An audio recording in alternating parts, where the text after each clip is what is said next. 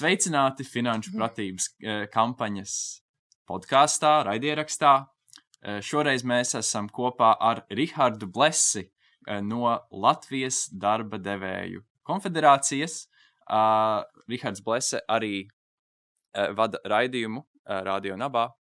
Un tātad, tik cik saprotu, Rihard, tavas, tava kompetence ir izglītība un tehnoloģijas, un, un tāpēc, manuprāt, tieši tava pieredze un varbūt domas varētu būt ļoti noderīgas par praksēm, par kuras mēs Eh, kurus mēs šodien arī iztirzāsim, un, eh, un tad, tad, lai iedvesmotu jauniešus, bet arī apskatītos to no tādas vairāk tieši darba devēju arī perspektīvas, tad kas ir tās galvenās lietas, varbūt, kas interesē darba devējiem, kā darba devējs skatās uz praksēm. Un, un, un kāpēc tādas vispār pastāv? Un, tā kā, jā, liels prieks, ka esi pievienojies, Rihard. Jā, sveiki, sveiki. Prieks arī jūs redzēt, un arī sveiciens visiem klausītājiem studentiem, arī potenciāliem prakšu dalībniekiem.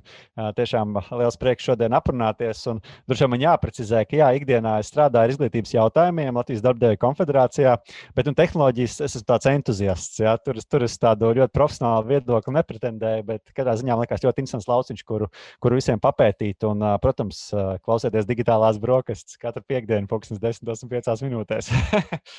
Super! Um, tiešām liels prieks! Es domāju, ka varbūt arī es varētu sākt ar pirmo jautājumu. Mm, kā, tad, kad tu pats biji jaunietis, vai tev bija iespēja iziet kādā uzņēmumā, firmā vai organizācijā praksi, un vai tā bija apmaksāta vai neapmaksāta, varbūt tā bija vispār studiju ietvaros? Uh, jā, paldies. Uh, man, manā studiju programmā, ko es studēju, tā bija akadēmiska programma, līdz ar to tajā nebija paredzēta praksa. Un, uh, es studēju politikas zinātni, arī līdzīgi jūs studējat diplomātiju vai ne, un jurisprudenci. Tad, principā, mēs uh, diezgan līdzīgas studiju programmas esam apguvuši. Uh, bet, bet manā programmā nebija paredzēta prakse. Tā pašā laikā, uh, tajā laikā, kad es studēju, bija viens no lielākajiem studentu skaitiem, kāds vispār jebkad Latvijā ir bijis. Un, uh, līdz ar to uh, tu arī apzinājies, ka ir milzīga konkurence darba tirgū jo uh, vienlaikus ar tevi beidz, piemēram, vēl 80 politologi. Uh, manā gadījumā tas nebija tik liels skaits. Mēs beigās beidzām kā 30, bet, uh, piemēram, gadu pēc manis uh, bija nu, par, par plus vēl kā 20 klāt, kas beidza. Tas nozīmē, ka vienlaicīgi darba tirgu nonāk ļoti daudz uh, politikas zinātnes absolventu. Tieši tāpat ir arī daudzās citās sociālās zinātnēs, kas tajā laikā bija īpaši populāras. Un, līdz ar to droši vien katrs no mums apzināti vai neapzināti domāja, kā tad padarīt sevi konkurētspējīgāku darba tirgu. Un, nu, ja mēs pabeidzam universitāti, kas ir tas, kas mūs atšķir viena no otra? Nu, kā jums šķiet, kas varētu mani atšķirt no maniem kursa biedriem? Viens un tas pašs kurs esam klausījušies. Kāds ir dabūjis devītnieku vienā, kāds ir dabūjis astotnieku otrā, kāds varbūt dabūjis kā četrnieku, bet varbūt kā citā kursā viņa labāk atzīmē. Ar ko tad mēs esam atšķirīgi viens no otra? Viens noteikti, kas man nāk prātā, ir diplomi visādi. Uh, jā, nu, var sakot, diploms mums ir, nu, vienam ir sarkans. Nu, es teiktu, es teiktu, es teiktu, ka noteikti tu, tu kā indivīds, nu, tev ir noteikti uh, dažādas raksturīgas īpašības, iemaņas, un varbūt ko tu esi papildus darījis paralēli savām studijām. Bingo, bingo, šeit arī ir tā atbilde, vai ne? Un uh, tajā brīdī, uh, ja tev nav praksa paredzēta studiju programmā, nu, tad ir jādomā, uh, ar ko tu, būsi pārāks vai īpašāks par tiem pāriem kolēģiem. Un, jā, iespējams, tās tavas personības īpašības, tu esi ļoti mērķiecīgs, tu esi ļoti pārliecināts, varbūt tev ir ļoti labas prezentācijas prasmes, bet uh, pamatā jau tas ir tas darbs, ko tu ieguldi sevī. Un uh, studiju laiks ir tas brīdis, kad tev iespējams ir visvairāk laika domāt par, uh, par savu, savu izaugsmi. Un tieši tāpēc svarīgi ir ne tikai kā saka, būt uh, studentam, bet vienlaikus sevi, sevi ir jāatrod arī tajā profesionālajā lauciņā. Un, un tieši tāpēc brīvprātīgais darbs, un, un mana atbilde, kā es uh, pēc tam konkrēti darbu tirgu, bija tieši brīvprātīgais darbs. Es, uh, man liekas, gadus sešus darbojos studējošo pašpārvaldē, līdzīgi kā jūs to šobrīd darat. Un uh, nu, tādā veidā, sākot no, nezinu, no pasākuma, organ, no talkas organizēšanas pie savām kojām, uh, tu nonāc līdz tam, ka tu, piemēram, valsts līmenī pārstāvi studējošos kaut kādā noteiktā jautājumā jautājumā tu esi specializējies. Un, nu, lai tiktu no tās talkas līdz, piemēram, normatīvu aktu analīzei, ir daudz kas pa vidu. Un tu ļoti daudz iemācies tajā procesā. Es domāju, ka tas ir tas pats, pats svarīgākais, ka studiju procesā tu paralēli tam, kas ir tavs ikdienas darbs, studijas, īpaši bakalaurā, kad nu, viena daļa studentu var atļauties varbūt arī nestrādāt, lai gan nevienmēr tas tā gadās, bet tomēr tu atrod veidu, kā sevi papildināt. Tā kā, tā kā ja man jāatcerās savs studiju laiks, tad es atceros tieši studijas bakalaurā, jo maģis laikā es jau strādāju. Bet, bet mācoties maģistrātūrā, bet bakalaura laiks atceros tieši kā tādu laiku, ka es ļoti daudz laika veltīju dažādām ārpus studiju aktivitātēm, kas noteikti man ir, ir veidojis kā personību, un to es arī iesaku, iesaku visiem. Tad, cik saprotu, arī tu uzskati, ka prakse nav tikai kaut kas, ko tu vari dabūt pie kaut kāda specifiska darba devēja, bet tas ir arī uh, kaut kas, ko tu vari iegūt uh, biedrībās, organizācijās vai vienkārši palīdzot skolā brīvprātīgi, vai ne? Precīzi, precīzi. Un, un pie tam mēs nekad nezinām, kas mūs aizvedīs pie tā mūsu mērķa. Uh, nu, ja es eju caur savu piemēru, tad uh, es atminos, ka savulaik bakalaura laikā šķiet uh, parādījās ideja, ka mums ir Latvijas universitātē radio un ka tur ir nepieciešams raidījums par, par studentu lietām. Un, nu, es teicu, kāpēc ne? Jāpamēģina. Un, nu, tas bija jau pirms tiešām daudziem gadiem, nu, desmit varbūt nav, varbūt pirms astoņiem gadiem. Un es tajā laikā nevarēju prognozēt, ka, piemēram, šogad, 2021. gadā, man katru nedēļu ir raidījums Latvijas Rādio 1 ēterā un Latvijas Rādio 6, jeb Radio Naba ēterā, kas ir dzirdams visā Latvijā. Un tu nekad nezini, kā tā tava dzīve tev aizvedīs. Un pēc tam tas ir vairāk mans kā, nu, blakus darbs vai, vai mans hobijs, nu, nopietns, bet tā tās lietas sakārtojas. Un, tā, kad uzsāc to savu uh, iniciatīvu kā studējošais, tu nezini, kas tev noderēs no tā pēc tam nākotnē. Un tieši tāpat arī ar uh, citām aktivitātēm. Nu, es pabeidzu politikas zinātni, uh, un es patiesībā strādāju savā lauciņā, bet tas ir kombinējies ar tām lietām un zināšanām, ko es iegūstu studējušu organizācijās. Jo es šobrīd strādāju ar izglītības politikas jautājumiem, un uh, tieši tas tie gadi seši ko es paralēli savām studijām arī strādāju ar izglītības jautājumiem, man ir iedevis, iedeva to bāzi, kas man ļāva daudz ātrāk darba tirgu, daudz, daudz ātrāk darba tirgu varbūt. Nu, tā, iegūt ļoti nopietnus arī pienākumus, kas man bija jāuzņemās un, un, un kā saka, virzīt to savu karjeru. Tā kā viss tā pieredze ir absolūti noderējusi, un tas viss ir salicies kā tāda skaista puzle, ko sākumā nemaz nevar paredzēt. Ļoti, es teiktu, ka ļoti skaista atbilde. Es pilnīgi iztēlojos, kā tas viss notika. Jo patiesībā jo mums jau ar Kristofru diezgan līdzīgi ir. Mēs eh, burtiski oktobrī uzsākām pašu savu podkāstu, uh, raidierakstu latviešu, uh, savā augstskolā. Un uh, tīri dabiski nāca šis uh, finanšu pratības kampaņas uh, raidieraksts, un te nu mēs esam. Un tā mēs. Uh, Lavierējam pa dažādiem projektiņiem. Arī, praksa, arī savā būtībā tā ir praksa. Un, un, un vienīgais, protams, vienmēr ir tas aspekts, tas, ka jautājums ir, kur ir tas līdzsvars starp to, kas tev patīk praksē, vai nē, manuprāt, arī joprojām, un tas, kas ir jādara, vai no ko no tevis arī prasa, vai nē. Un, protams, bieži vien tās lietas, kuras no tevis prasa, ir ļoti noderīgas arī tev pašam, bet dažreiz ir arī kaut kādas lietas, kuras nav tik noderīgas, ja tas ir kāds darba devējs, piemēram, pie kam tu palīdzi. Un, un tad vienmēr, man liekas, arī parādās tas jautājums. Uh, par, nu, par to, vai praksē jābūt apmaksātai. Un, un, un es nezinu, kā tu skaties, Rihard, varbūt uz to, kad praksē jābūt apmaksātai, un, un arī par to, cik lielā mērā praksē vajadzētu būt vairāk kā tādai iespējai kaut ko mācīties, vai vairāk tādai iespējai kā izzināt kaut kādu. Uh, nezinu, specifisku vidi, vai vienkārši palīdzēt tiem cilvēkiem, nezinu, būt noderīgam un kaut kā parādīt sevi. Nezinu.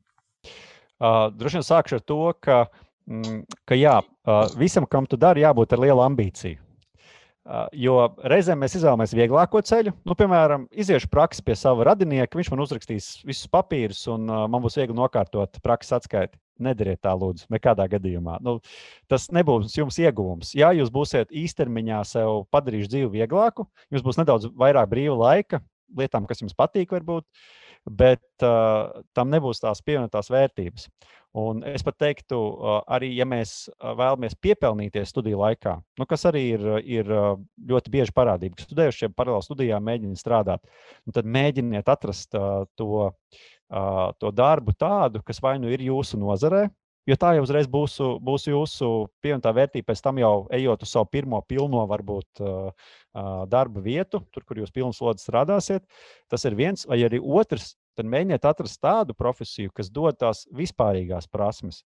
Nu, mm. Piemēram, attīstīt jūsu digitālās prasmes, attīstīt jūsu komunikācijas prasmes, attīstīt attīstās nu, vispārīgās teiksim, projektu vadīšanas prasmes. Ja?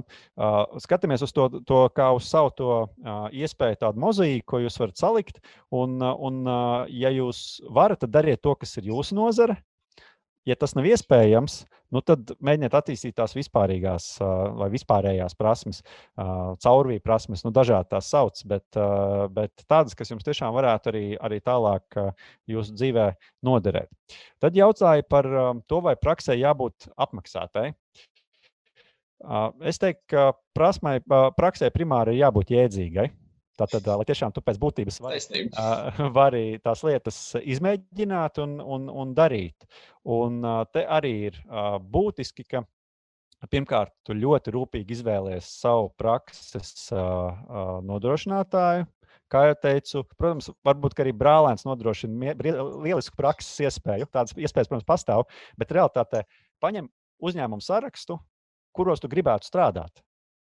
Vai arī uh, varbūt tu pats vēlēsies būt uzņēmējs un paskaties tos uzņēmumus, kuriem tu vēlēsies līdzināties, kur ir tie vadītāji, kuriem tu vēlēsies līdzināties. Un tiem arī raksti un, un, un prasi, ka es vēlos būt praktikants.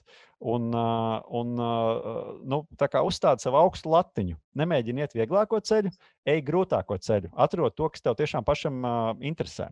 Un kas ir lieliskākais? Punkts viens. Tu nepatiks, tu to zināsi. Tas nozīmē, ka vai nu nākamā praksa tu iesi citā virzienā, vai arī uh, savu CV tu sūtīsi jau uz, uz citu, citu uzņēmumu vai citā, citā lauciņā, un, uh, nu, citā apakšnodarbē, piemēram. Un, uh, arī tā, tas būs liels iegūms. Un, uh, nu jā, par pašu prakses procesu droši vien mēs parunāsim, bet par to, vai praksē jābūt apmaksātai, es teiktu tā, ka, uh, ka tas ir atkarīgs no tā, kādu pienesumu tu tam darba devējam sniedz. Jo, ja tu izie, ir reizēm tās īsās prakses, kur tu uz tādu īsu brīdi tajā darba vidē nonāc, nu, visdrīzāk tas darba devējs ir daudz vairāk ieguldījies tevī, lai tu vispār nu, tevi izvadāt, iepazīstināt, izstāstīt, kā notiek procesi, nekā tu esi nesis viņam pievienoto vērtību. Un patiesībā ir diezgan godīgi, ka par to uh, tu tajā brīdī nesaņem atalgojumu, vai arī saņem nu, teiksim, minimālu atalgojumu. Bet, protams, tajā brīdī, ja tev ir garā praksa, un tu nes darba devējiem reāli pievienoto vērtību, tad, protams, nu kāda, kāpēc lai tev nemaksātu? Tu esi to nopelnījis ar savu, ar savu darbu. Tā kā šeit nav melns vai balts. Patiesībā vienkārši ir, ir jāskatās uz tām attiecībām un, un, un, un nu, tās pievienotās vērtības sniegšanu, ko tu spēj, spēj dot. Jo noteikti būs kaut kāds sākuma posms, kad tu daudz vairāk ņem nekā, nekā dod mm. atpakaļ. Un, protams, ir dažādas atbalsta programmas. Pro, programmas droši vien ir arī stipendijas un, un, un, un citas iespējas, kā varbūt arī mm, šim studējošajam piedāvāt zinām atbalstu. Tā kā, tas tāds, man liekas, sadarbības process, un arī studentam jāsaprot, ka jo augstāk viņš tēmē, jo labāk, bet nu, teiksim, tur pastāv arī iespēja, ka tu uzreiz nevarēsi iedot to pievienoto vērtību, un uh, tu vairāk dosi. Uh, vai, pareizāk, tu vairāk uh, ņemsi, un tas tev arī dos pēc tam lielākas iespējas nākotnē. Bet kā tu teiktu, tu uh, biji nu, mūsu vecumā, ap 20 gadiem, tu biji tas augstais tē, tēmētājs, tas motivētais, uh, kas bija gatavs izcelties un mēģināt un krist un celties. Jo bieži vien, uh, man liekas, ka jauniešu, es nezinu, tā problēma ir tāda, ka mūsos ir kaut kāda izteikta pasivitāte. Nu, ka es jau nu nē, nu, nu kā tas būs, man jau jau nesanāks. Un tad bieži vien tā kā viņi nemaz nesāk. Un tas noteikti arī kaut kādā savā ziņā ir atkarīgs no cilvēkiem, no vecākiem, kas mums ir apkārt. Jo, teiksim, kad es sāku podkāstu, uh, mans tētis, uh, viņš man teica, ka kāda jēga, tā kā, nu, tev jau tāpat tikai kaut kā 10, 20 klausīsies. Labi, ja vispār līdz galam kāds noklausīsies. Un, zin, un tu, tu tā sēdi, un tad, tev ir, un tad tev ir divas, tev ir divas izvēles. Tā kā par spīti tam, man vienalga patīk, es mēģināšu. Es tā kā, labi, man sākumā klausīsies desmit cilvēki, bet varbūt nākamajā nedēļā noklausīsies eh, par desmit vairāk. Vai es esmu būšu apmierināta ar to, ja es vispār nemē, nemēģināšu? Un tad ir tas jautājums, kā ir labāk. Protams, ka mēģināt gan jau. Ne, nu, protams, ka mēģināt, kā gan, kā gan citādi. Bet eh, es teiktu tā, ka viens no risinājumiem, vismaz priekš manis noteikti, uh, ir bijis tas, ka es esmu bijis iekšā organizācijās. Vai tās ir bijušas studentu organizācijas, uh, vai kāda nevalstiskā organizācija. Tās tevi nes uz priekšu ar div, div, divos variantos. Viens, uh, viens vienkārši nav citu variantu, jo tomēr ir kaut kāds plāns, kas te organizācijai ir jādara. Nu, viņiem vai nu ir piešķirts budžets, kas ir jātērē, nu, un, un uz tevi ir spiediens, jo ir plāns salikts. Tā tad ir plāns, un tev viņš ir jāizpild. Tas nozīmē, ka nu, nedrīkst nedarīt. Nu, ja ir ielikts plānā, ka ir jāuzorganizē pasākums, nu, tad viņam ir jābūt. Ja ir ielikts plānā, ka ir, ir nezinu, jānopērk grāmatas bibliotekā, nu, tad viņas ir jāatrod un jānopērk. Ja ir ielikts plānā, ka ir jāuzorganizē talka, nu, tad viņai ir jānorganizē. Un, uh, tas ir viens, kas zem uz priekšu. Vienkārši tas, ka ir kaut kāds plāns organizācijai. Otrs, tev ir apkārt cilvēki un arī viņi šaubās par sevi. Mēs katrs visu laiku šaubamies par to, ko mēs varam vai nevaram. Bet tajā brīdī, kad tev ir vēl cits cilvēks, iedrošina, ir kāds, kurš ir bijis lielāka pieredze nekā tu. Nu, piemēram, kāds, kurš ir otrajā kursā un arī tajā pašā organizācijā, kurš var pateikt, ka par to neuztraucies, vai tieši otrādi tam pievērs uzmanību, ka tev ir tāds arī jau nu, paraugs, kura, no kuras smelties iedvesmu. Tā kā es teiktu, viens ir būt kādā organizācijā, nevalstiskajā vai studējošajā, jo tur būs kāds, kurš tev dzīves priekšā. Otrs variants. Uh, izvēlēties, kas ir jūsu uh, cilvēkiem apkārt. Ir cilvēki, ko jūs nevarat izvēlēties, uh, kas ir jums apkārt, bet ir tie, kurus jūs varat izvēlēties. Un, un uh, esiet kopā ar tiem, kas liek jums augt. Mm -hmm. Vienkārši izvēlēties, uh, jums, ir, jums būs, te, kad jūs nonākat studiju vidē, jums ir jauni draugi ja, ar, ar vidusskolas draugiem jūs noteikti vēl projām būsiet labā kontaktā, un, un droši vien ar kādiem ar vien mazāk, bet, bet kaut kas jums saglabāsies visu dzīvi. Bet uh, studiju vidē jums ir jauni draugi un jauni cilvēki, kas ir ar jums kopā. Esiet kopā ar tiem, kas uh, nevis jūs rauj uz leju, un saka, ka, ah, labāk to nedari, vai ah, labāk, labāk šodien, kā saka, Netflix un chill. Bet, bet es kopā ar tiem, kas, kas liek tev darīt, kas, kas tevī tā urda, tirda.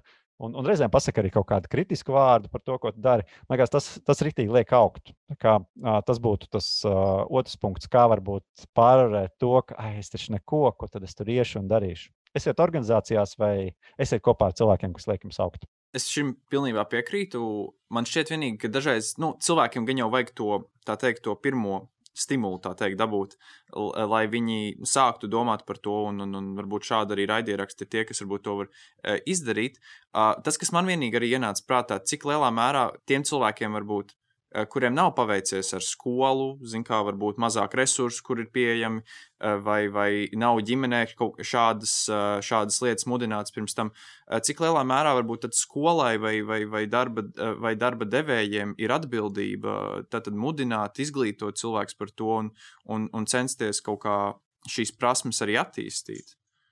Jā, nu, tā ir pilnīgi taisnība. Protams, es zīmēju tādu ļoti pozitīvu pasauli, bet tā realitāte jau, protams, nav tik skaista un gaiša. Un nevienam no mums nav bijusi bijis tā, ka visu laiku ceļš ir gaišs priekšā un, un iet tikai kā pa diedziņu.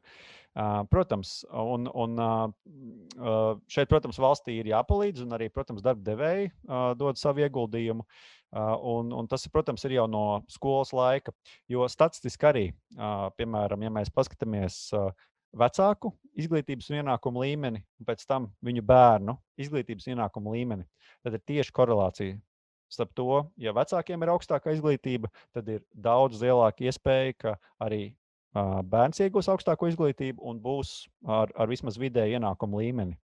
Un, uh, nu, tā, ir, tā ir patiesība. Un, protams, mums ir, uh, mums ir jaunieši, kur nāk no, no, no ģimenēm, kur ir varbūt izglītība nav augstākā vērtība, kur varbūt ir arī finansiāli ir grūti atbalstīt.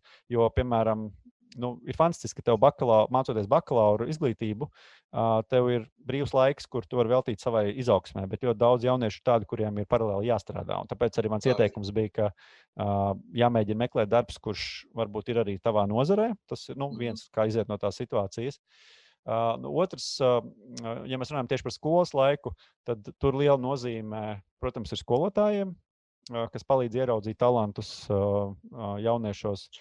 Šobrīd ir pieejami ļoti bieži arī šie karjeras konsultanti. Un, un arī, protams, viņiem ir liela nozīme mēģinot izprast, kas tad ir šī jaunā cilvēka talanti. Un, protams, arī, arī darba devēji brauc uz skolām ar, ar savām prezentācijām vai piedāvā mācību ekskursijas. Jautājums, protams, cik vienmēr skolas ir pretīm nākošas, un, un, un protams, ne visi darba devēji arī to dara pietiekami bieži, cik vajadzētu. Nu, tur ir iespējas, kur augt noteikti ir abās pusēs. Uh, Bet nu, arī darbdevēji ar, ar dažādām programmām arī mēģina saka, gan vilināt jauniešus konkrētajā nozarē, gan arī veidot tādu, tādu izpratni. Ir vairāk labi piemēri, piemēram, liekas, Latvijas valsts meži. Es nezinu, no jums ir sanācis, bet, bet man liekas, nu jau tagad arī mazajām klasēm, nu, es negribu teikt, ka gan arī katra klase, bet noteikti liels skaits klašu ir bijuši Latvijas valsts mežos ekskursijā, kur izstāst par to, kā tas mežs aug un kā, kā, viņu, kā ar viņu strādā. Un ka tas nav tikai par, respektīvi, tas, man liekas, ja es pareizi atceros statistiku, tad uh, vairs tikai 6% Latvijā meža zāģē ar, ar uh, motorzāģi, Pārējo visu zāģēja ar ļoti gudrām mašīnām, kas principā ir, nu, tā izteikšos, kā kosmosa kuģi. Nu, tas digitalizācijas līmenis un tas, kāds notiek, nu, ir pilnīgi neiedomājami ar to, kā varbūt cilvēkiem ir stereotips par to. Un tad, kad tu klasē parādi vai izstāsti, ka uh, koku zāģēšana vairs nav tik fiziski smags darbs, cik varbūt pat vairāk uh, spēja darboties ar augstām tehnoloģijām, tad uh, pavarās pavisam citu pasauli, jo mēs arī ļoti bieži dzīvojam stereotipos. Bet, uh, bet jā, nu, tā problēma, ko, ko, ko iezīmējāt, uh, noteikti ir aktuāla un mums ir jāatbalsta visādos veidos um, jaunieši. Un tas, ko es vēl domāju, kas ļoti palīdz, un tur mēs katrs, kurš varbūt klausāmies, varam pie sevis padomāt, ko mēs varam izdarīt. Jo, ja šo klausās students, Tas nozīmē, ka viņš jau ir spēris to soli un nonācis augstākajā izglītībā. Tas nozīmē, ka tu jau esi ticis pāri kaut kādai uh, robežai, kurai daudz netiek pāri. Piemēram, šobrīd statistika rāda, ka uh, vairāk kā 30% jauniešu uh, nonāk darba tirgū pēc vidējās vai nepabeigts vidējās vai ar pamatizglītību. Tātad šim jaunietim nav ne kvalifikācijas, ko viņš iegūtu profesionālās vidējās izglītības iestādēs, un viņam nav augstākās izglītības. Trešā daļa no visiem. Jūs spējat iedomāties, trešā daļa, tas ir nenormāls skaits. Un, un, nu, tas nozīmē, ka, ja jūs esat ticis augstākā izglītībā, jūs jau esat izdarījis gana daudz, un iespējams, ka jūs varat dot atpakaļ. Un kā to, kā to izdarīt? Sarunājiet ar kādu sev, nezinu, skolotāju, ar kuriem ir palikušas labas attiecības nu, varbūt viņi var atrast kādas 20, 40 minūtes, varbūt pusotru stundu uh, savā stundu grafikā, kur jūs varat pastāstīt, kā jums iet, kāpēc jūs izvēlējāties augstāko izglītību. Un, uh, Un, un, un varbūt kā, jūs šo lēmumu pieņēmāt. Jo tiem jauniešiem bieži vien vajag vienkārši tādu pamudinājumu, padomāt par to. Aizbrauciet un vienkārši uh, pa, pajautājiet viņiem, iztēlojieties sev pēc pieciem gadiem, kur jūs esat un ko jūs darat un iziet tādu jautājumu apli. Viena daļa no jauniešiem nekad nebūs par to domājuši, citi nekad nebūs to pateikuši skaļi. Un uh, ir forši, ka tu to pasaki skaļi, tad citi to ir dzirdējuši, un, un uh, tu vari dabūt kaut kādu atgrieznisko saiti, tu vari uh, vairāk par to padomāt, padiskutēt. Un arī tas jau ir daudz ko var izdarīt. Aizbrauciet vienkārši uz savu skolu un pastāstiet, kāpēc nu tas, ko jūs studējat, ir forši, vai kāpēc vispār ir forši studēt, vai kāpēc forši darboties studējušā organizācijā vai, vai kādā nevalstiskā organizācijā. Tā būs vislielākā motivācija. E, es šeit varu daudz runāt, bet tajā brīdī, kad tev klātienē atbrauc kāds cilvēks, kāds no tavas skolas, Ja, kāds, kurš ir bijis tieši tāds kā tu, pirms pieciem gadiem, pirms trim gadiem, pirms diviem gadiem, un pastāsta, ka patiesībā tas viss ir iespējams, Uh, nu, tas ir kaut kas pilnīgi cits. Tā kā, tā kā gara atbild uz jautājumu, bet tā ir mūsu visu atbildība um, celt katru, katru cilvēku uz augšu un katru, katru vilkt uh, iekšā vai nu profesionālā izglītībā, vai augstākajā izglītībā, lai mēs dabūjam to kvalifikāciju, lai mēs uh, dabūjam savu grādu un, un esam konkrēti spējīgāki darba tirgu. Jo, jo statistika arī apliecina, ja tu iegūsi augstāku izglītību, tavu ienākumu pamatā ir vidējais un virsvidējā. Jā, tur ir nozars, kur ir nedaudz grūtāk, bet, uh, bet uh, arī tur būs atkarībā no tā, kā tev veiksies un cik daudz ieguldīsies. Arī, varbūt, arī ļoti augsts atalgojums, varbūt principā jebkurā nozarē. Tā ir ļoti vērtīga praksa, ko darīt. Sarunāties īstenībā ar vidusskolniekiem, pamatskolniekiem. Vienkārši, vienkārši parunāties un likt viņiem aizdomāties par to. Es Man liekas, ka vienkārši tas, es uzreiz aizdomājos par to, ka bieži vien mēs cilvēki uh, skatāmies uh, uz tikai tā uz priekšu, tā kā uz kur mēs varam būt rītdien, vai kur mēs sevi redzam. Bet mēs nekad nepadomājam to, ka tajā brīdī, kad mēs jau kaut ko esam nedaudz uzkrājuši, mēs jau varam kaut ko dot atpakaļ arī tiem, kas vēl tikai nāks. Un tā ir, tā ir ļoti laba pieredze un ļoti labs skatījums uz lietu, kas, kas man arī lika aizdomāties. Tas nozīmē, ka es vismaz sāku domāt un arī iztēlojos, ko, kā es varu kaut ko jau dot. Un tad nākamais solis ir darīt. Jā, man liekas, tā ir praksēm ļoti fundamentāla lieta. Vienkārši tā, tā zināšana, nodošana, man liekas, un, un tā īstenībā arī apusēja apmaiņa. Jo, jo man liekas, arī bieži vien mēs varam par praksēm runāt, ka ir šis kaut kāds apgrieztais mentorings, vai ne? Ka, ka, kad jaunais censonis ar savām digitālajām zināšanām vai, vai, vai savu jā, citādāko pasaules uztver arī, man liekas, var arī dot tam, tam vecūksnim, kurš, kurš varbūt to darbu jau dara kādu ilgāku laiku. Bet uh, nu, tas tā, man pat likās, ska, li, likās skaists vārds tam brīdim. Tā, bet jā, bet uh, tā, tas apgrieztais mentorings tajā praksē arī, man liekas, ļoti svarīgi.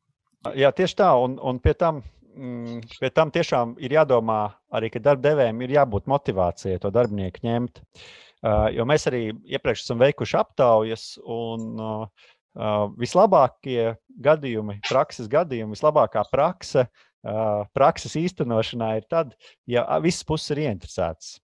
Un uh, svarīgi ir, ka nevis tur darba devēja pierunā caur zobu, zobu sāpēm, ka tagad viņš tur nodrošinās praksi, bet uh, svarīgi ir, ka darba devējs arī ir ieinteresēts un, un motivēts. Un tad arī, uh, kā saka, tas visbiežāk tās, tā motivācija ir iegūt savu kvalificētu darbinieku. Tu zini, ka mm. šajā brīdī iespējams tu viņam nemaksās pilnu algu, bet tu viņā ieguldīsi. Un, kas ir, ko reizēm darbdevējs saka, nu, pēc tās augstākās izglītības tie jaunieši iznāk tādi akadēmiski, bet nu, neko no tās praktiskās dzīves nesaprot. Un tad mums, tā, mums tāpat viņi ir jāmāca pēc tam, un tad jau bezmazliet varētu ņemt patiešām no vidusskolas.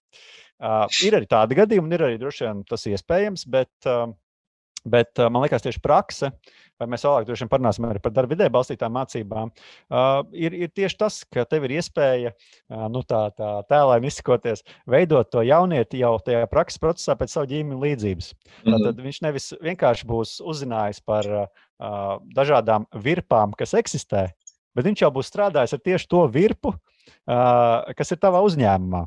Līdz ar to viņam jau būs tieši tās, tās iemaņas, kas ir, kas ir nepieciešamas. Un tad, ja darbdevējs ir interesēts, tas nozīmē, ka viņš iespējams jau piedalās tajā praktikantu atlasē.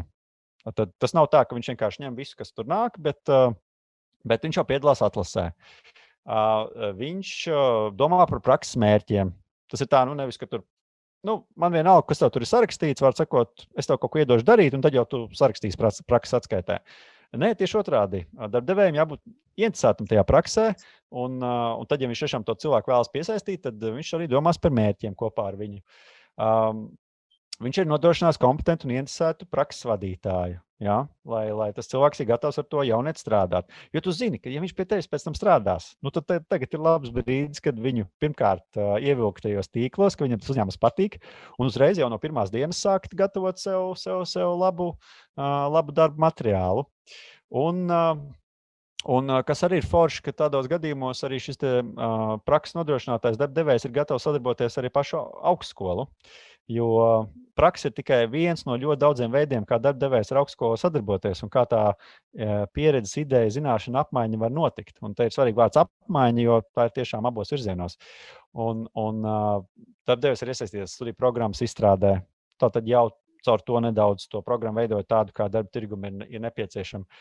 Viņi iesaistās kvalitātes novērtēšanā, eksāmenos, kvalifikācijas. Karjeras dienās, vieslekcijās, mācību ekskursijas nodrošina, tātad veido šī sadarbība. Un, ja mēs ejam jau tālāk, ja tas ir tāds augsts pievienotās vērtības uzņēmums, viņš iespējams sadarbojas ar zinātniekiem šajā augstskolā, lai radītu jaunus, inovatīvus produktus. Un varbūt tas students iet cauri tam mācību procesam un var piedalīties šajā inovatīvā produktu izstrādē un veidošanā. Mm. Tā kā, tā kā tās iespējas, kur, darbdeve, kur darbdevējiem ir izdevīgi sadarboties ar universitāti, ir ļoti daudz. Un praktikants ir tas viens sasaistes punkts, kur, kur starp universitāti un, un darba devēju pa vidu ir tas studējošais. Viņš ir tāds labs tiltiņš, lai to sadarbību veidot. Tā kā, tā kā svarīgi tiešām, lai, lai visas puses ir interesētas. Tas, man liekas, ir galvenais veiksmes faktors prakses īstenošanā. Patiesībā, kad es tā sāku um, savā atmiņā rakāties. Es atceros, ka eh, tad, kad eh, pirms es uzsāku savu praksi, man tieši bija iezvans ar savu kā, turpmāko prakses devēju, manu mentoru.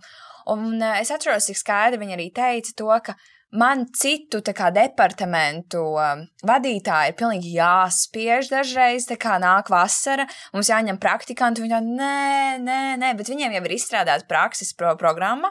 Un, principā, tieši tas, kas ir eh, tendēts uz jauniešiem un viņu ino, inovatīvu kā, uh, zināšanu, izaugsmi un attīstību, kas man liekas ir rīktīgi forši. Un pēc tam viņi saka, un, un katru gadu tā. Un tad, kad pienāk tas uh, augusta beigas, ja kad viņi ir ieguldījuši tajā jaunietī, viņš ir ieguvis tās zināšanas, viņiem ir gandarījums un prieks.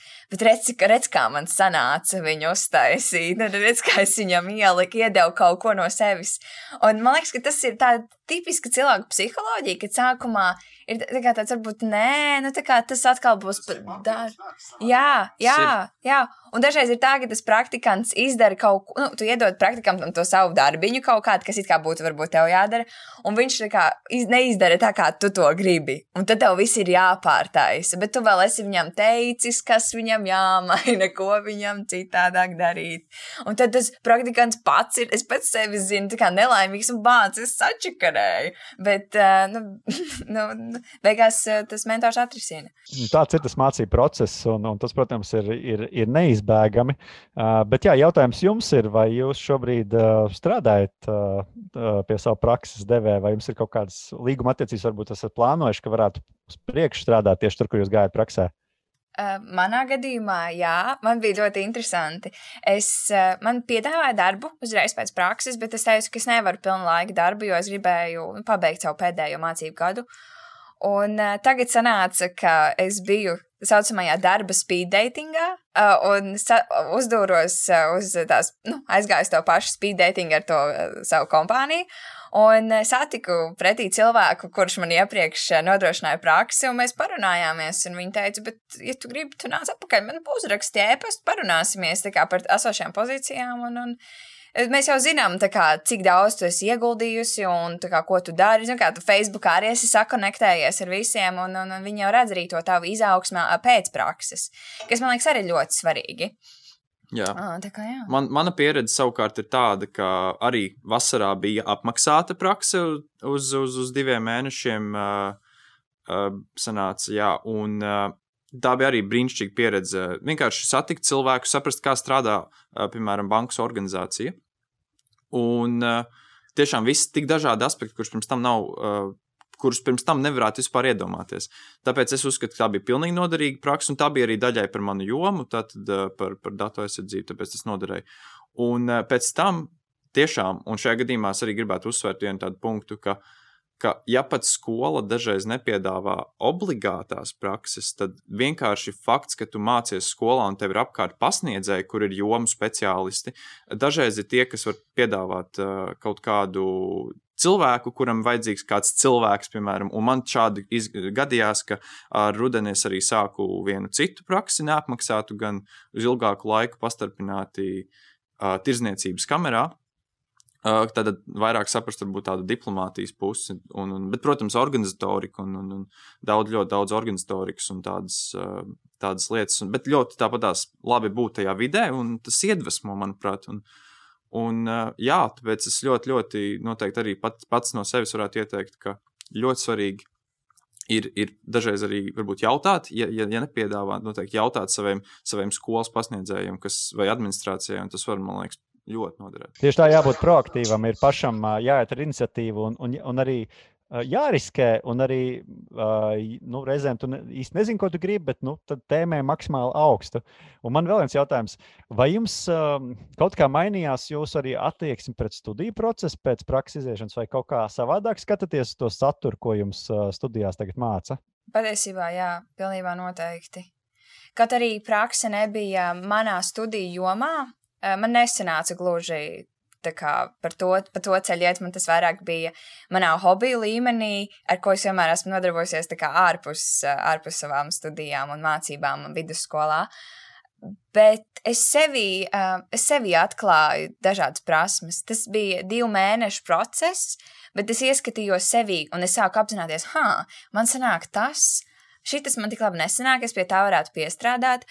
Un pēc tam, kad tu skaties uz studijām vispār kā kopumu, tu saproti, ka tik daudz ko tu patiesībā, ja tu gribi, vari iemācīties pašmācības ceļā. Tev ir tikai jāgrib to darīt.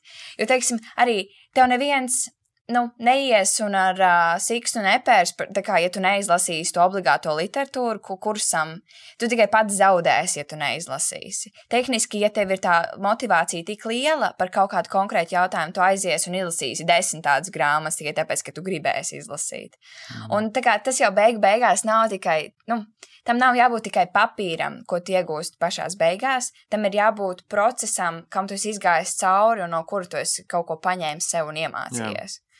Man, tā man, man ir tā, ka es teiktu, ka noteikti es skatos uz mācībām citādāk, jo saprotu to, ka tas nav tikai interesanti padomāt par vienu tēmu, bet, bet tas tiešām ir kaut kas, ko mēs arī varam izmantot. Ja nevar būt tajā praksē, kas bija, bet gan, protams, varbūt nākotnes pieredzē.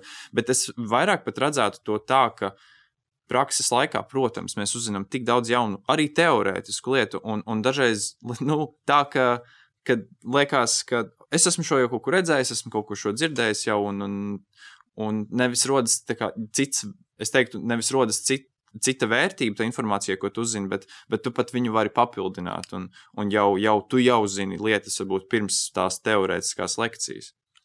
Um, es jau vēl, vēl nedaudz papildināt. Man patiesībā ienāca uzreiz prātā tas aspekts par to, kā mēs vispār uztveram mācību procesu.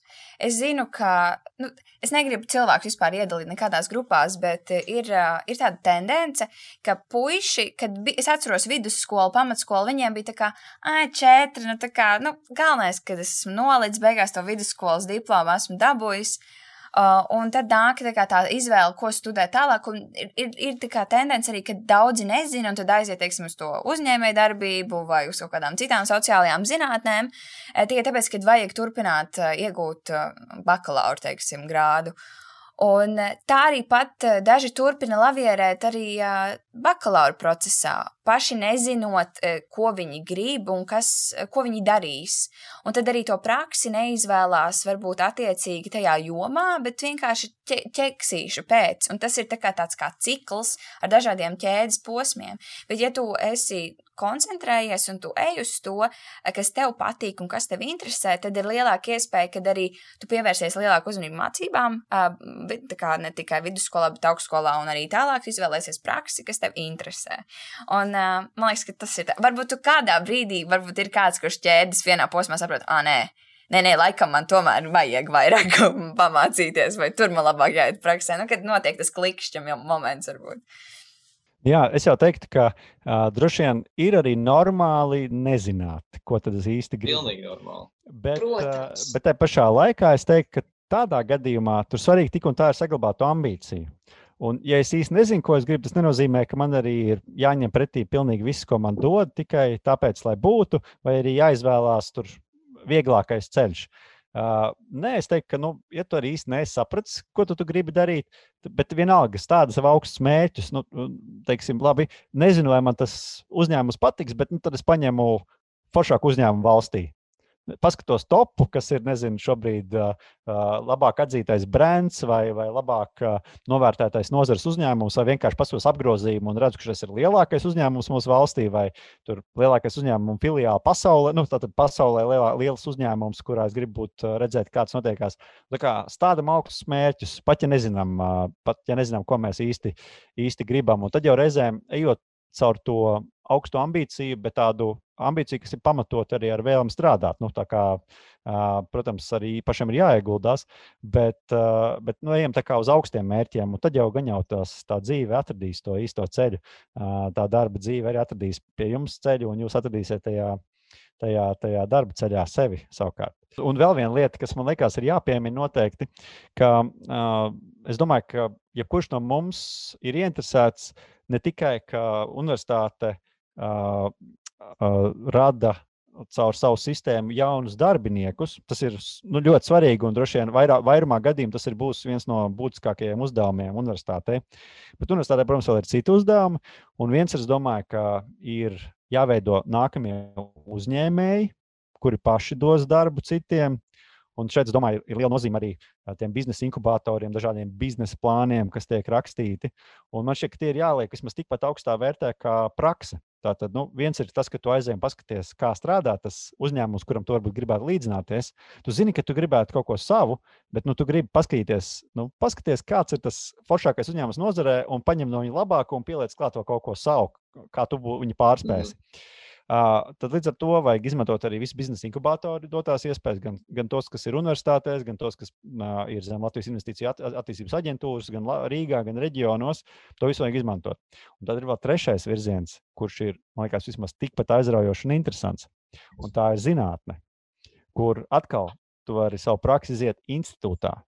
Un uh, tu jau vari sākt pētīt no bakalaura kaut ko interesantu, uh, piedalīties kādos lielos projektos Un uh, iespējams, ka tu uh, teiksim, desmit gadu laikā, teiksim, no bakalaura līdz uh, doktora grādam, nu, droši vien sanāks, varbūt bišķi vairāk kā desmit gadi, uh, tu izlolo kādu zinātnisku ideju, kuru vai nu tu pats komercializē pēc tam, kā produktu, ko pēc tam varbūt pērk visa pasaule, um, vai arī nu, to savu ideju var uh, pārdot kādam uzņēmumam, kurš to ievieš, un, un tādā veidā caur savu piemēram, patentu, arī nodrošināt sev, sev dzīvi, varbūt uh, uz visu, visu atlikušo mūžu. Uh, ceļi ir ļoti dažādi. Uh, galvenais, ir, galvenais ir pamēģināt, un, un, un, protams, ja ir radusies ideja, ka es gribu būt zinātnieks, vai, vai es gribu būt tiešām labs profesionālis, vai pats gribu būt uzņēmuma vadītājs, nu, tad jāiet uzreiz, jāskatās, jāskatās tie varianti, kas tiek piedāvāti. Es domāju, viņi visi ir vienlīdz laba praksa. Nu, tādā ziņā tikai katrs, katrs savā virzienā, un noteikti ne par vienu nevajadzētu aizmirst. Man liekas, ka šis kaut kā man sasaistījās arī ar to, ka īstenībā mēs arī varam uz praksi skatīties kā uz tādu pagarinātu ēnu dienu, tādu ēnu mēnešu, piemēram, vai ne? Ka mēs kaut kādā veidā, nu, tiešām mums ir cilvēki, no kuriem mēs varam iedvesmoties, un, un, uh, un arī, jā, man liekas, no viņiem daudz mācīties, ne tikai atnākt, apskatīties telpas un aiziet prom. Un man vienīgi tas, kas man ienāca prātā, varbūt, uh, ir tas, ka man liekas, ka daudz cilvēki tāpat ap, aplaucējušies ar praksēm, jo Tas saistās daudziem ar to faktu, ka tev pieliks darīt melno darbu, varbūt pat neapmaksātu. Un, uh, nu tā, un dažreiz ir pat, man liekas, vecāks paudzes cilvēki, kuriem skatās, nu, praksa, nu jā, tad tev, diemžēl, diemžēl praksa. Ja, ko, kopēs papīrs un, jā, un, un dzers kafiju. Tas te, ste, ste, nu, tā kā taisīs kafijas stereotips. Uh, es teiktu tā, ka uh, varbūt tad, ja, ja notiek tā, tad ir divi varianti. Viens variants tev ir jāiet un jāsaka, ka es gribu darīt to īsto lietu. Lūdzu, laidiet mani klāt pie tām īstajām lietām. Jā, ir reizes, ka tur ir objektīvi apstākļi, kāpēc tu nevari kaut ko ļoti konkrēti darīt, jo tur ir sensitīvi dati, varbūt ir kaut kādas nepieciešamas certifikāti, lai varētu strādāt ar to konkrēto iekārtu. Tur ir objektīvas situācijas, kad reizēm kaut ko tu nevari darīt. Bet noteikti var atrast veidu, kā tu vari tur būt vai nu kaut kā klāt, vai, vai, vai, vai nu, ja tieši tā kā saka, noderīgāks. Un tas ir viens prasi. Ja tev nepatīk, nevis nepatīk, bet uh, uh, ja tev šķiet, ka tas, ko tev liek darīt, nu, nekādi nesaistās ar to prakses ideju, nu, tad prasi, lai, prasi, prasi citu, citu, uh, citu darbu. Nu, otrs variants, protams, vienmēr mums pastāv iespēja vienkārši mainīt praksi. Ja, ja mēs redzam, ka mēs tur nevaram atrast, uh, atrast to iespēju sev pilnveidot, nu, tad sakām, raujam stopkrānu un sakām, nu, paldies, bet es mēģināšu vēl kaut kur citur. Un, un tas noteikti arī ir iespējams. Te vienkārši jābūt arī pašam, kā saka, uzņēmīgam. Un, un otrs, nu, droši vien, ka var veikt izpēti pirms tam. Nu, viens ir, mm. piemēram, tas stāstīja par to motivēto darba devēju, vai ne? kurš pats iesaistās atlasē un tā tālāk. Nu, tur ir diezgan skaidrs, ka tur viss būs kārtībā. Bet nu, vienmēr tas tā nav. Nu, vienmēr var pajautāt kādam, kurš ir iepriekšējā gadā bijis pie šī darba devēja. To nemaz nav tik grūti noskaidrot. Nu, apjautājies draugiem, kolēģiem, pašpārvaldē, pajautā, kādas ir atsauksmes par to uzņēmumu, vai tur bija forši iet praksē. Nu, tad sapratīsi, vai ir vērts vai nav vērts. Uh, tu vari pajautāt, uh, tu vari piezvanīt to uzņēmumu un apjautāties par šīm lietām. Nu, teiksim, ja tu nāksi praksē, kas, kas būs tie darba pienākumi. Un, nu, mēģinām ņemt lietas savās rokās kaut kādā mērā. Tas noteikti ir viens no risinājumiem. Nu, ja nav iespējams atrast risinājumu, tad vienmēr var mainīt, mainīt prakses to vietu. Kā redzams, man liekas, risinājums ir vienkāršs. Un, un arī man liekas, vēl jāpiemina tas, ka tieši prakses bonus ir tas, ka tā, tā, tas nav varbūt piln, nu, pilns darbs ar, ar, ar ļoti, ļoti nopietnām darba attiecībām, ka tur vienmēr ir iespēja runāt un kaut ko mainīt. Un, ja, ja nesanāk, tad, tad ceļi var dalīties. Jā, tieši tā tas arī, tieši tā tas arī ir. Un, uh, ir arī, nu, ja mēs tā ļoti formāli pieejam, tad parasti ir prakses līgums, jā, mm. kur ir trīs pušu atbildība. Un, nu, tas nav tā, uh, ka mēs te kaut ko darām un kaut kas te notiek. Nu, patiesībā tajā līgumā ļoti precīzi ir uzskaitīts. Un es domāju, uh, ka līgums ir, ir, ir, ir vissvarīgākais instruments šajā gadījumā. Nu, teiksim, ja mēs runājam par to juridisko pusi, tad tas ir trīspusējs līgums. Tu, kā praktikants, augstskola, darba devējs, katram ir ļoti skaidri uzdevumi un pienākumi un atbildības. Un tad, nu, kā saka, tur arī ties, nu, saka, ir vienošanās arī pēc tam par to praksi, to plānu, par mērķiem. Un, nu, ja mēs to skatāmies kā uz tādu formalitāti, nu, tad, tad tur nekas labs nav gaidāms. Nu, saka, uh, protams, ka ir forši sadarboties, bet ir svarīgi, kad arī tiek sasniegti rezultāti. Un, un, nu, tad tad uh, nu, līgums ir tas atskaites punkts, ja, ja mēs tā formāli tam pieejam. Man radās jautājums par tavu redzējumu, kad, iet, kad ir runa par pieteikšanos. Nu, tu esi pabeidzis tagad bakalaura, bakalaura studijas. Un, un tagad jāiet tajā darba tirgū. Un tu, nu, pie, pieļaujams, ka uh, ir cilvēki, kuri nav ieguvuši kaut kādas praktiskas uh, iemaņas, nav izgājuši praksi vai darbojušies aktīvāk kādā studentu organizācijās, viņam tas CV ir uh, nu, diezgan tukšs. Nu, vienkārši skaidrs, izglītība, izglītība, izglītība. Un uh, darba kā, vakancēs parasti, es teikšu, diezgan bieži ir norādīts tas, ka tev ir nepieciešama vismaz gada, divu pieredze jomā, uh, Un tad nu ir tas jautājums, kā, ko, ko, ko darīt studentam, ja viņš nav tādu ieguvis. Tad situācija, kurā cilvēks at, attopās, kad, Jā. kad, kad, kad ir bijis bakalaurs tikko un, un, un nav vēl. Jā, nu tas ir, tas, protams, ir. Uh... Bēdīgs gadījums savā ziņā, ka tikai tad attopās, bet nu, nereti tā notiek. Nereti tā notiek, un, un tā, ir, tā ir mūsu uh, ikdiena. Uh, nu, tad kā saka, jāsāk, jāsāk ir domāt, jo, kā jau jūs norādījāt, arī mēs, tad, kad esam aptaujājuši darba devējus, nu, viņi. Tā, kad, viņi, kad mēs viņiem jautājām, kas ir tas, kā viņi izvērtē, kur darbinieki ņem darbā, nu, tad viņi saka, ka spēja pielietot savu zināšanas praksē, iztulkoja, ka tas principā nozīmē to, ka viņi ir darījuši kaut ko to, no tā, ko viņi ir mācījušies. Tas ir, tas ir nu, viens no primārajiem aspektiem. Tad, protams, tur ir arī personība un, un dažādas specifiskas prasmes, vai valodas prasmes, vai digitālās prasmes, kas šobrīd ir ļoti populāras. Uh, bet, uh, protams, tas ir, tas ir izaicinājums. Nu, tad es teiktu, tā, ja tā ir bijusi profesionālā programma, bakalaurs, nu, tad uh, viens variants ir uzrakstīt savam prakses devējam. Nu, Tātad tam uzņēmumam, pie kura tu biji praksē, nu, uzraksti viņiem, hei, es pirms biju praksē pirms gada, Vai jūs būtu ieinteresēti, varbūt jums ir vajadzīgs darbinieks? Man šobrīd būtu interesanti ar jums satikties. Nu, mēģinam. Otrs, es teiktu, ka nu, ir variants, ja, ja to atļauj iespējas. Nu, piemēram, ja ir kaut kāds finansiāls pilvens, kas, kas palīdz, tad otrs variants ir iet strādāt bez maksas. Uzrakstīju uzņēmumam, es esmu gatavs pie jums teiksim, par mazām naudaiņām strādāt, uh, lai gūtu pieredzi. Man ir ilgtermiņa mērķi, uh, kā saka, mm, varbūt varam atrast sadarbības punktus. Nu, tas arī ir, arī ir variants. tad, uh, tad uh, noteikti uh, ir dažādi jaunatnes projekti. ir, ir jauna starptautisko programmu aģentūra, ja, ja es pareizi precīzi to nosaukumu atminos. Un ir dažādi citi arī nevalstiskās organizācijas, kas piedāvā iesaistīties dažādos projektos. Viens to rakstīt pats, otrs to var iet kādā komandā un tādā veidā iegūt praktisko pieredzi. Tur nereti ir arī kaut kāds finansējums. Nevienmēr tur ir algām finansējums, bet, bet arī tas mēdz būt. Un tad nu, mēģināt caur šādu projektu jūsu lokālajā pašvaldībā, varbūt ir kaut kāda jauniešu centrs vai organizācija, kas kaut ko organizē. Varbūt kāda nevalstiska organizācija centrs Rīgā vai, vai citā pilsētā. Varbūt šī, šī te, nu, projekta aģentūra, kur jūs varat iesniegt kādu projektu, nu, var mēģināt gūt praksi, šādi starptautiskas apmaiņas. Šobrīd, protams, tas viss ir ierobežots tieši tāpēc, ka, nu, kā saka, ir epidemioloģiskā situācija tāda, kā ir. Bet, um, bet tādas nevalstiskā organizācija aktivitātes, starptautiskie projekti ir, ir, ir vēl viens risinājums.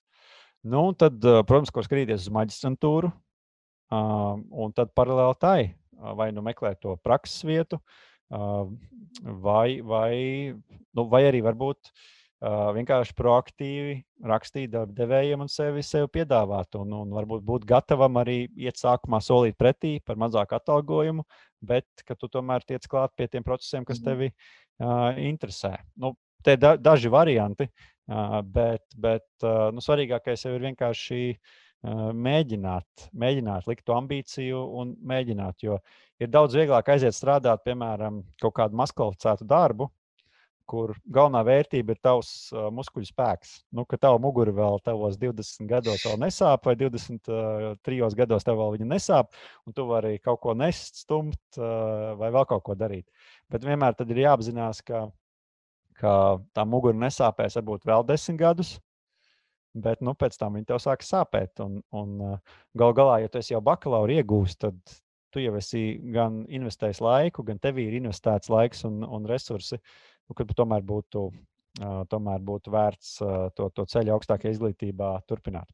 Kad šis arī varētu būt viens no tādiem, vien, tāds viens labs noslēgums šai sarunai, uh, atgādināt to, ka tiešām daudz ko var darīt vienkārši prasot, vienkārši mēģinot, sameklējot kaut ko, vai ne, un, un, un, un internetā kaut vai, vai, vai, vai jautājot cilvēkiem apkārt, ka, kā lai labāk, uh, da, kā labāk darīt un, un kam rakstīt. Un, un, un man liekas, ka tas ir tas, ka iespējas ir apkārt, man liekas, arī tu to labi ieskicēji.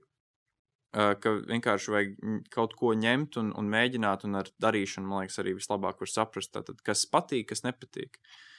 Es teiktu, tā, ka šobrīd ir tik daudz iespēju kā nekad. Jā, varbūt tieši šis posms, kad mēs esam tajā sarežģītajā epidemioloģiskā situācijā, mūs it kā ierobežo, bet, ja mēs paskatāmies tā plašāk, šobrīd vaļā.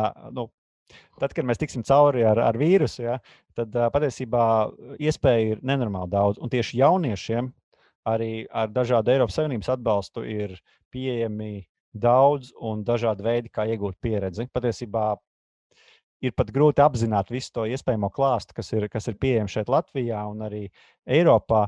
Līdz ar to tas vairāk ir liekas, uzņēmības jautājums un, un tā pirmā, pirmā soļa jautājums. Jo, protams, vienmēr ir jāspēj nodrošināt sev iztika, un, un tas, ir, nu, tā, tas bieži vien ir prioritāri. Bet ja ir iespēja paralēli tam procesam, tomēr interesēties, kur vēl es varētu iet un kur vēl es kaut kādu pieredzi iegūt, vai, piemēram, tajā pašā ap prakses apmaiņā aizbraukt, tad tas jau, ir, tas jau ir ļoti daudz. Mēs nerunājam par Erasmus, mēs nerunājam par vēl daudzām citām iespējām, kas, kas paralēli studijām vai arī, vai arī pat ārpus tām ir, ir pieejams. Bet jā, šobrīd iespēja tiešām ir, ir ļoti daudz, ir tikai jāmeklē. Super. Es domāju, ka bija ļoti, ļoti forša saruna ar tevi, un es domāju, ka tas noteikti iedvesmoja jauniešu. Mani vismaz ļoti iedvesmoja darīt vēl vairāk. Jā, noteikti arī. Un, un es tiešām ceru, ka arī kāds klausītājs varbūt būs, kā arī es iepriekš teicu, uh, iepriekšējā reizē. Uh, cerams, ka vienkārši kāds klausītājs jau š, šīs sarunas laikā varbūt būs kaut ko apskatījies internetā un pameklējis, un īsnībā ar to arī jau sasniegts tas mērķis, manuprāt. Tieši tā, tieši tā.